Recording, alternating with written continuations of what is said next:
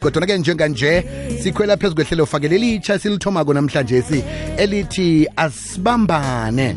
Sikhuluma ngenhloko ezahlukahlukeneko. Sicoca eh lapha sicoca khona ke ngendaba zabantu abakhubazekile ukuthi-ke babanjani ngcono bathuthukiswa njani bazithuthukisa njani nabo. Fanele sikhulume-ke nobaba unkosi kodwa-ke kuyabona ukuthi asitholani. Msinyazana ngadosa u-dj tom. Ye dj tom. Takado hawu yazi ukuthi eh nakuchayisako lapha ngithi hayi khona uTom usangizwa ukhona mina kwethu ngikhona mina kwethu umraro awukhona sithokoza kakhulu kwamambala. Yeyi ngikhulume nomlaleli la ukuthi-ke ngiba ukuthi angithumele iphimbo lakhe naye angicocele ukuthi singenza njani ukuthi indawo ama-buildings imakhiwo lapho abantu abakhubazekileko abasebenza khona eh kungenzeka njani ukuthi zibalungele ukuthi bakhona ukungena bakhona ukuphuma bakhona ukuphithizela? Eh ngenza-ke isibonelo ukuthi umuntu okuhamba ngesitulo samavili wheelchair eh ukhona njani ukuthi a-accesse i-building namtshana angene eh emakhiweni lapho asebenza khona? Ngaphandle komraro qakatheke kangangani into efana naleyo eh sitakada ngikulotshise ngilotshise nomlaleli ngiyacabanga ukuthi into ekhuluma ngale iqakathekile yokungenelo eh komuntu okhubazekileko kumakhiwo Mm. eh lokho imenza ukuthi akhone ukufeza inkhuluphelo zakhe Mm. Nangabe mhlawumbe uthinga esithabathabeni sengitolo siyazi ukuthi uyakhona ukuthenga ukudla uyakhona ukubhadela inkolodo uyakhona ukungena emabhanka enze lokhu ekufanele ukuthi akwenze athengele abantwana izinto akhone nokuthi aphume kuhle anganamraro kokuthoma lokho. Nangabe umuntu osebenzako ukhona ukuthi afike emsebenzini ngesikhathi kungabi nezinto ezimleyako ukuze akhone ukwenza umsebenzi enze lento esiyibiza ngokuthi ahelebhe labantu abazobe bazokufuna ihelebho la azobe asebenzela khona. So kuhle kuhle ayi- ayihelebhi umuntu okhubazekileko kuphela kodwa uhelebha nalo ongakakhubazeki ozobe ase a- a- ahelejwa ngilo okhubazekileko. Mm, kanti ukuthi mhlawumbe ngikumanenjara mina ebhanka ngikhubazekile. Um ukungenelo nabulula nomuntu ongakakhubazeki uyakhona ukuthi afike kimi ngizomhelebha ngombana mina ngikhonile ukuthi ngingene Hmm.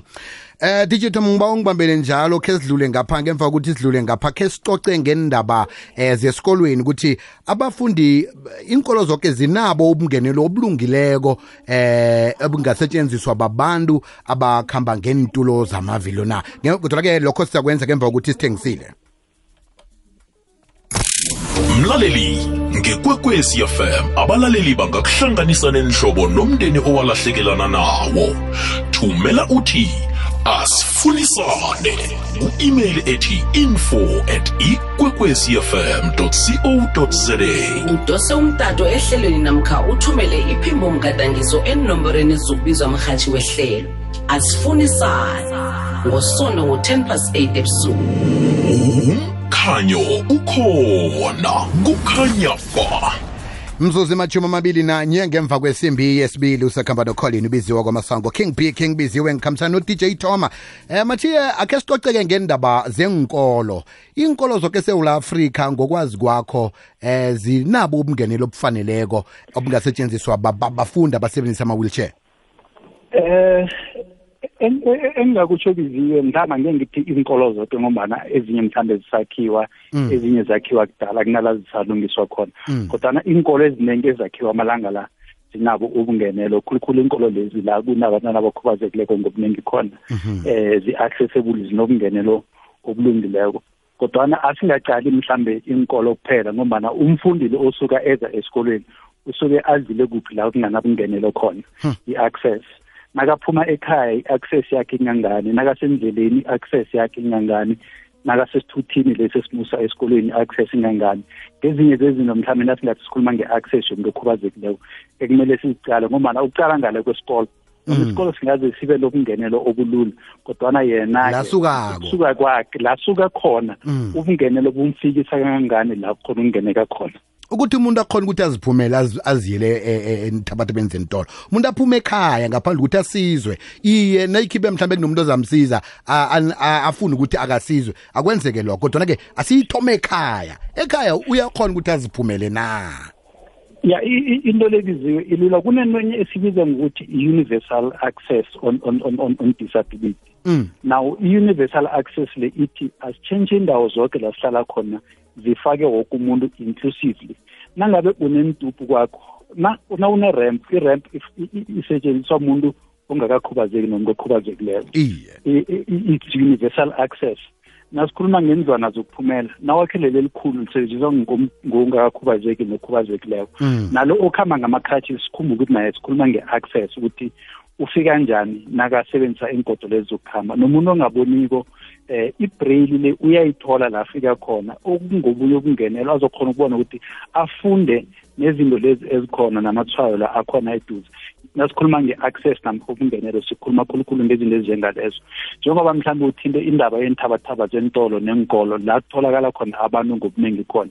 Kula kusitshijilo sokuthi izinto ezi- ezi- ezinjengalezi ngobuningi nazikhona zisetshenziswa buthulweni babantu abangakakhubazeki. Mm, mm. Hey njengoba nalilwazi leli silihlogako sibabantu esiphilako nje emphakathini eh kunenhlangano ke eziningi eziphethe ilwazeli sizithola njani eh kufanele inhlangano zi- ezifana nabo DBSA eh okukhona ukuthi njengoba into le ikhona emhashweni angithi sikhona ukufundisa umphakathi. Kodwana nabomasipala eh banalo ilungelo lelo lokuthi bafundise umphakathi or ba-introduce inhlangano ezinjengalezi emphakathini ngombana omunye nomunye umasipala une-desk eh elicale abantu abakhubazekileko naboma nabantwana. So umasipala nguye kufanele enze i-advocacy ngoba nguye osebenza kakhulu eh nomphakathi.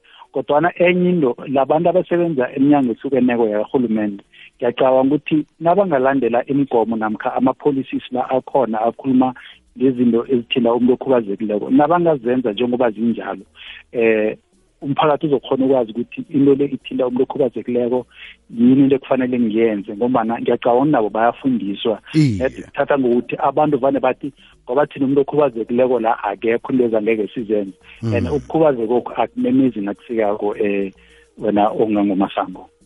Mathiye eh ikile hlangano le oyisebenzelako wena sifika njani? Eh sikhona njani ukuthi sithintane nani? Namjana sithintane nawe ukuthi sithole ilwazi elingeneleleko ngento ezifana nalezi? Eh engakusho nje wena ongangomasango enye nenye iprovince inalo i-office le-DPSA inalo i-office le-OSDP eh omunye nomunye umasipala uyazi ukuthi uhlangana njani ne-DPSA into engizoyisho ukuthi mina njengami ngisepumalanga kodwana bengiyi-council member epumalanga Mm. ngasuka njengi-council member national ngikhuluma nawe nje ngiphume emhlanganweni. Sisakhuluma indaba zokuthi ilwazi ngomuntu okhubazekileko silifikisa njani eh, emphakathini e- e- e- esikiwo. So njengeprovince empumalanga inomboro zakhona nginazo ngicabanga ukuthi eh umlaleli angathinta i-ofisela and then ezokhona ukwazi ukuthi besihlanganisa kanjani nathi sise-national ukuthi ezinye izinto zokhona ukufika kuwo woke umuntu la akhona. Mhm. Zona ngezithi 01 zero one three. Mhm.